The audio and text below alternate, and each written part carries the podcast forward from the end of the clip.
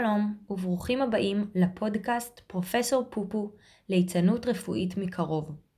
מקובל לחשוב שליצן רפואי משמח ילדים, אך האמת היא שזהו חלק קטן בלבד מתפקידיו. אני גל, והיום אשוחח עם פרופסור פופו, ענת זוננפלד, אמא שלי, ליצנית רפואית בבתי החולים קפלן ותל השומר. הפודקאסט שלנו הוא שיחה אינטימית על החוויות שלה לאורך השנים כליצנית רפואית.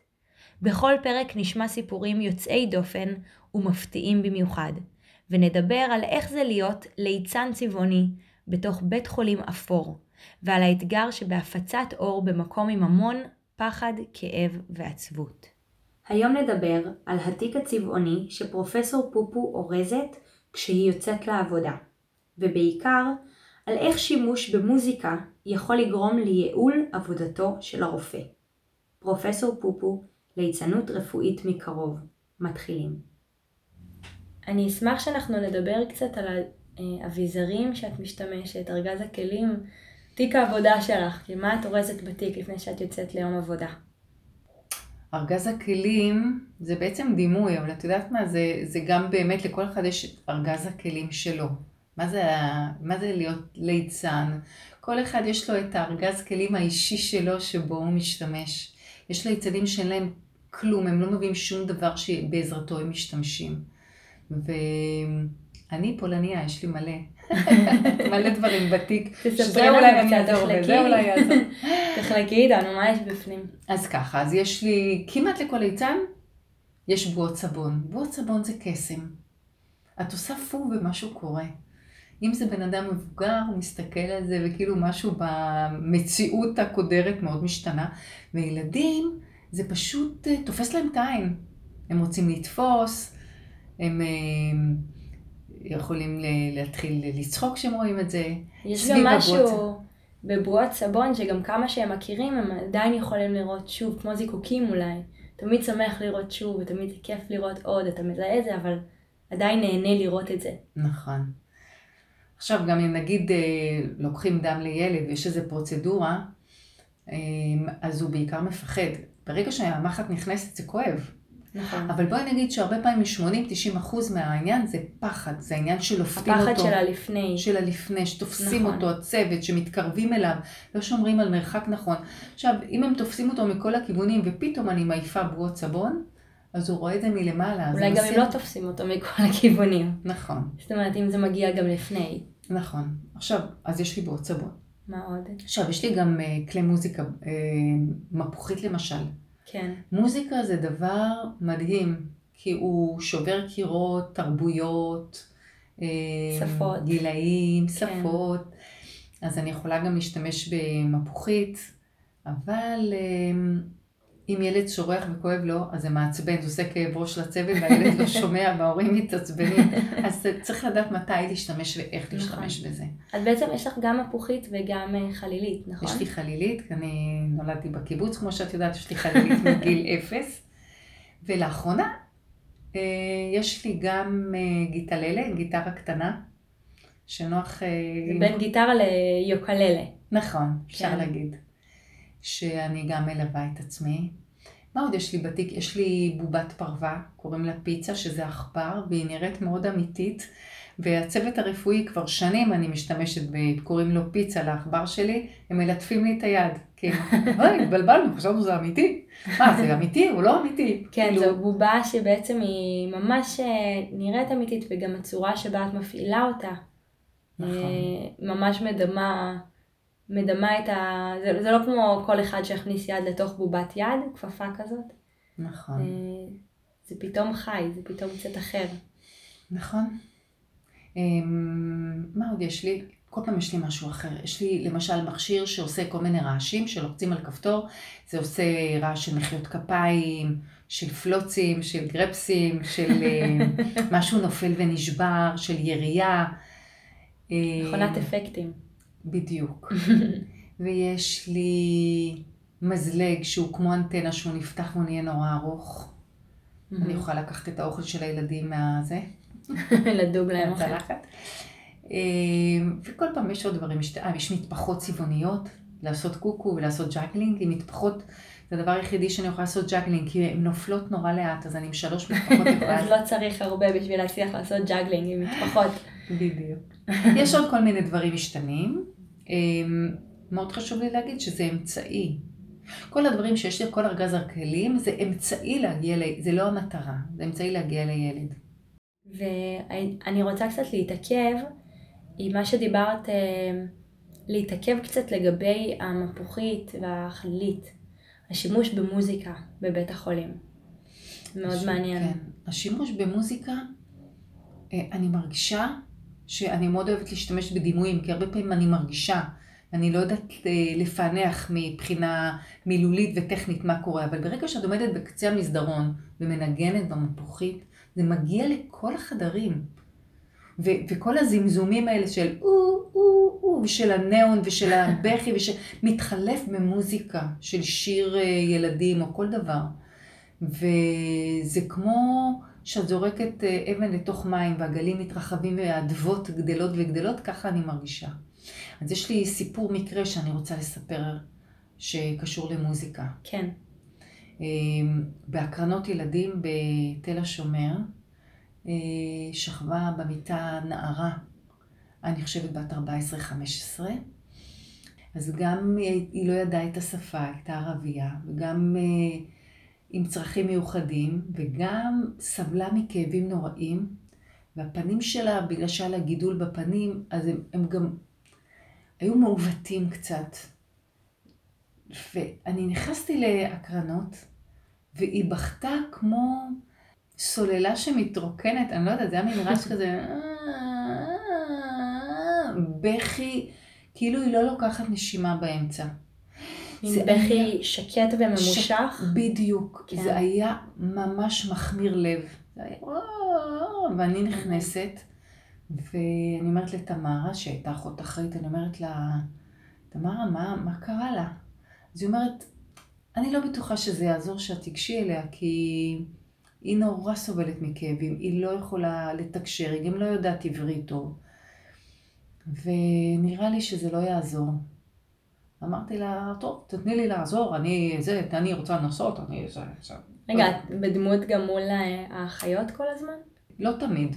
זו שאלה מאוד, טוב, שאלה מאוד טובה. כן. אני מורידה את האף ואז אני ענת, וכשאני שמה את האף אז אני פופו. בדרך כלל זה החלוקה.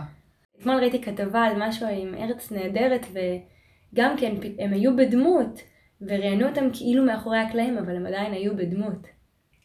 אז זה, זה הזכיר לי את זה, שאתה לבוש כולך, אתה דמות, גם אם זה בינך לבין עצמך, וגם אם זה בינך לבין אה, אולי לא מטופל. תראה, אני לא יכולה להיות משמרת שלמה כל הזמן פופו. זה רמת דריכות ואנרגיה מאוד גבוהה. אני מאלה שכשאני מורידה את האף, זה סימן לעצמי שאני עכשיו אני. אני יכולה לדבר על מה אני מרגישה, מה קרה לי אתמול בבית, ומה שלום תמרה, ומה שלום הבעל זה, כן. ואיזה סרט טוב היא ראתה, מאיפה הנעליים היפות שלה. כשאני שמה את האף, חוזרת להיות פופו. ברור. זה החלוקה. לא, זה לא ברור. יש ליצנים שכל המשמרת, הם כל הזמן נשארים בדמות של ה... ליצן, הם לא יכולים את השיחות חולין האלה שמחזירות אותם לעצמם. להחליף בין הדמויות, אבל כן. לך יש את האף, אז... לא, לא. אפילו ברמת ההסכם שלך עם עצמך, יש לך את האף, אני אומרת. בדיוק, זה את יודעת, זה בינך לבין עצמך, נכון. כאילו ההחלטות. בכל אופן, אני ניגשת לילדה הזו, והיא שוכבת, את יודעת, כמו חתולה כזו, מאורסלת בתוך עצמה, ומתייפחת כזאת, ככה, ואני לוקחת, כאילו, אני אומרת, איך אני אגיע אליה? מה אני יכולה לעשות איתה? איך אני יכולה להגיע לנשמה שלה, ללב שלה? ואני מוציאה את המפוחית שלי ואני מנגנת את אחד מהשירים היחידים שאני יודעת לנגן, כי אני יודעת אולי שלושה שירים. ואני מתחילה לנגן את המנגינה, טי לה לה לה, לי לה לה לה לה לה לה, לה לה לה, כן. וכן הלאה. ואני מתחילה לנגן בשקט בשקט, ואני שומעת פתאום רק את המפוחית שלי. אני לא שומעת את הבכי שלה. היא מפסיקה לבכות והיא מקשיבה למנגינה שלי, ואני ממש מנגנת בעדינות, טילה לילה לילה, טילה, ופתאום אני שומעת אותה שרה דינג דנג דונג, את השורה האחרונה של השיר. נכון. דינג דנג דונג. ואני חושבת שאני לא שמעתי טוב, ואני לא מאמינה, ואני מתחילה לנגן את השיר הזה מההתחלה, הוא מאוד קצר.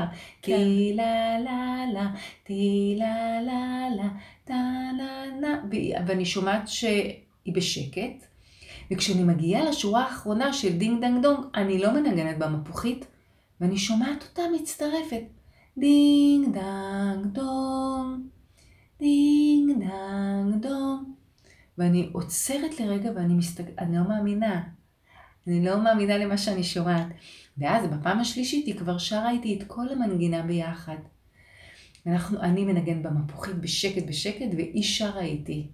ובסוף היא שרה דינג דנג דונג, ואיך שאני גומרת לנגן, אני מסובבת את הראש אחורה, ואני רואה את כל הצוות. את כל הצוות, הם יוצאים שם ארבעה.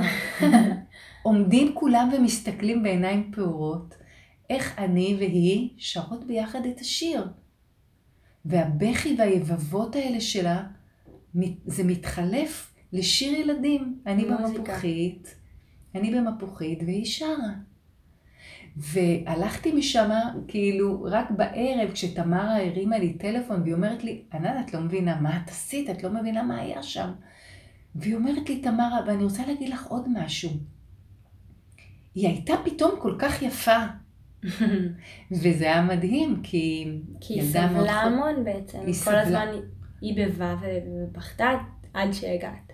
אבל מה שיפה זה שתמרה ראתה את היופי שלה כשהיא שרה, כן, היא הפסיקה לבכות, היא ראתה את ה... גם כמה היא משהו יפה. אחר. איזה יופי.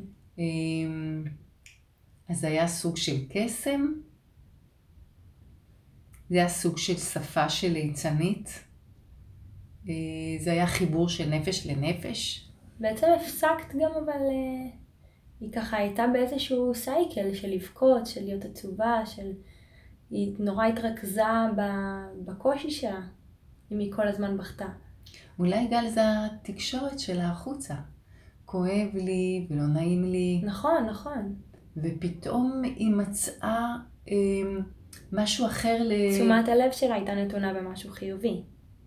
זה לא אומר. שפחות כאב לה והיא פחות סובלת, בדיוק, זה אומר שהיא יכלה. לראות את החלק החזק שבה, חלק שיכול אה, אה, ליהנות ממוזיקה לרגע. כן. זה הדבר של הליצנות. את יודעת, אנחנו אומרים שהפילוסופיה של הליצנות, שאנחנו לא יכולים לשנות, לשנות את הסיטואציה, אנחנו יכולים לשנות את הדרך הסתכלות עליה. זה ברמה הפילוסופית, כי זו אותה נערה עם שסבלה אותה מחלה. עם אותה נכון. מחלה. נכון. וכשתמר התקשרה אלייך, היא התקשרה אלייך בדיעבד, זאת אומרת, היא התקשרה אלייך אחרי, אחרי הרבה שעות, את יודעת להגיד מה, מה האימפקט שלה, זאת אומרת, איך היה באמת אחרי שעזבת? מה שהיה לי מאוד חזק בעניין הזה, שהליצן מביא את התמורה, הליצן מביא את השינוי, הוא לא יודע מה היה קודם ומה היה אחר כך. וזה הדבר המאוד מיוחד, שכל פעם אני מופתעת מהעוצמה של הליצנות, שהליצנות מחוללת. כי לפני זה היא נורא בכתה, אני לא הייתי שם, זה בטח היה לי מאוד קשה לשמוע את זה. אבל כשאני באתי קרה משהו, אז אני אף פעם לא יודעת מה היה קודם, והם יכולים להעריך את הקודם ואחרי זה, ולכן הרבה פעמים הם מאוד אה, מעריכים את עבודת הליצן, ואני כאילו אומרת, מה, אני לא ידעתי שעד כדי כך עזרתי, מה בסך הכל עשיתי גל? הוצאתי את המפוחית, זה מבחינת הליצן, אבל מבחינת כל הדבר העמוק של זה, הוא הרבה יותר עמוק, שאני לא יודעת לפרש אותו, שזה הליצנות. כן. שאני גם לא יודע לפרש, שאני תמיד אהיה מופתעת, ואני לא אבין מה הדבר הגדול שהליצנות, לא אני, הליצנות חוללה. יש לנו זמן לעוד סיפור אם את רוצה, אם יש לך עוד- סיפור. יש לי עוד סיפור שקשור למוזיקה, שגם כן הוא קטן, אבל הוא נורא נורא חמוד. בקפלן, אה, במיון ילדים, הגיעה ילדה, אני חושבת בת אה, תשע, שפתחה אה, את הגבה, בעל הגבה נפתח לה, והיו צריכים לעשות לה, לתפור אותה.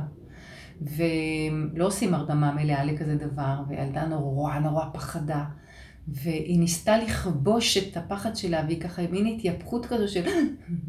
מכירה את זה? כן. היא כל הזמן זה זז. היא ניסתה.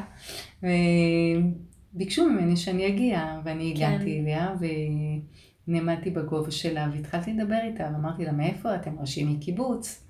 שאלתי איך קוראים לה, אמרה איך קוראים לה, שאלתי אותה מה היא אוהבת לעשות, רציתי כאילו לגלות משהו שהיא ואני יכולות לדבר עליו, משהו כן, נקודת חוזקה, ו- להסיח את דעתה ולהיות, שנהיה עסוקים במשהו שהיא אוהבת וטובה בו. ואז היא אמרה שהיא שרה במקהלה של הקיבוץ. אמרתי, ואיזה שיר אתם שרים? אז היא אמרה לי, אני גיטרה. עכשיו, אני לא זוכרת את כל המילים, כן? ואני מכירה את... בהתחלה את מכירה. אני גיטרה, טלי לה לי לה לה לה לה, טלי לה לה לה לי לה לה. אני גיטרה, לה לי לה לה לה. להמשיך את הסיפור, אין לנו זמן. קיצור. כן, תמשיך את הסיפור, לא את השיר, התכוונתי להגיד. הקטע המצחיק הוא שאני והיא שרות את השיר. ושרות אותו עוד פעם ועוד פעם, והוא בינתיים תופר, הרופא תופר לה את הגבה. והוא כבר גמר לתפור, ואנחנו שרות עוד פעם ועוד פעם, וביחד, ואנחנו אומרים לו, נו, אני אומרת, נו, גמרת, אנחנו... אה, אומר, כבר גמרתי מזמן, אנחנו שרות עוד פעם ועוד פעם את השיר. רק תחשבי על הסיטואציה הזאת, ליצנית וילדה ששרות שיר בזמן שתופרים לה את הגבה.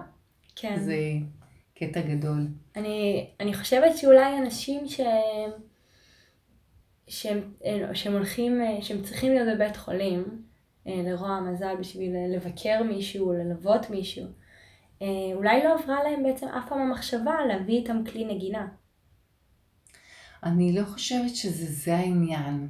כמובן יש... שיש את ה... איך להשתמש במוזיקה וזה, אבל אולי גם מישהו ש... שהוא לא ליצן רפואי ושהוא מלווה, להביא גיטרה ולנגן אולי יכול לעשות אה, פלאים במסדרונות. תראי, זו שאלה טובה ממש. אנחנו, יש לנו את הפנאי זה המטרה שלנו, אנחנו באנו בשביל זה. אנחנו באנו להגיע לנפש וללב של הילד. אני לא יודעת אם הורה במצב שהוא לחוץ והילד שלו עכשיו פתח את הגבה או את הסנטר, הוא פנוי להתחיל לנגן לו. הוא גם לא, לא מצפה, לא זה לא התפקיד שלו. לא בכל סיטואציה. את יודעת שפעם שאלתי את אחד הרופאים, אמרתי, למה אתה לא שם אף אדום? הוא אומר, אני לא יכול להרשות לעצמי, אני הרופא, יש לי תפקיד, אף אחד לא יאמין לי, לא ייקח אותי ברצינות. וחשבתי על זה, זה נכון. הרופאים צריכים לקבל אולי כלים של ליצן כדי להגיע לילד ולהרגיע אותו, זה כן.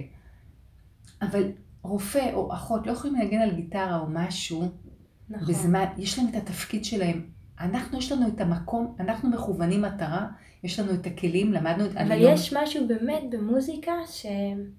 מפנה את תשומת הלב, שמשנה קצת את הסיטואציה, שאני כמובן לא בכל סיטואציה ולא, אולי גם, גם לא כל אחד יכול ויודע לנגן, אבל אה, יש אולי בזה משהו שאולי אולי לפעמים כשנמצאים במתח, אולי זה איזשהו רעיון, אולי זה אופציה. אבל גל, אנחנו יודעים שבחיים שלנו מוזיקה, יש לה המון כוח. תחשבי על כמה הופעות. אבל נוטים וזה... לשכוח את זה. מי, מי מדמיין שב... מה זאת אומרת? את נכנסת לאוטו למשל, נוסעת לאיפשהו ישר, את שמה מוזיקה. נכון, אבל, אבל בשום סיטואציה אין לי דמיון או vision של...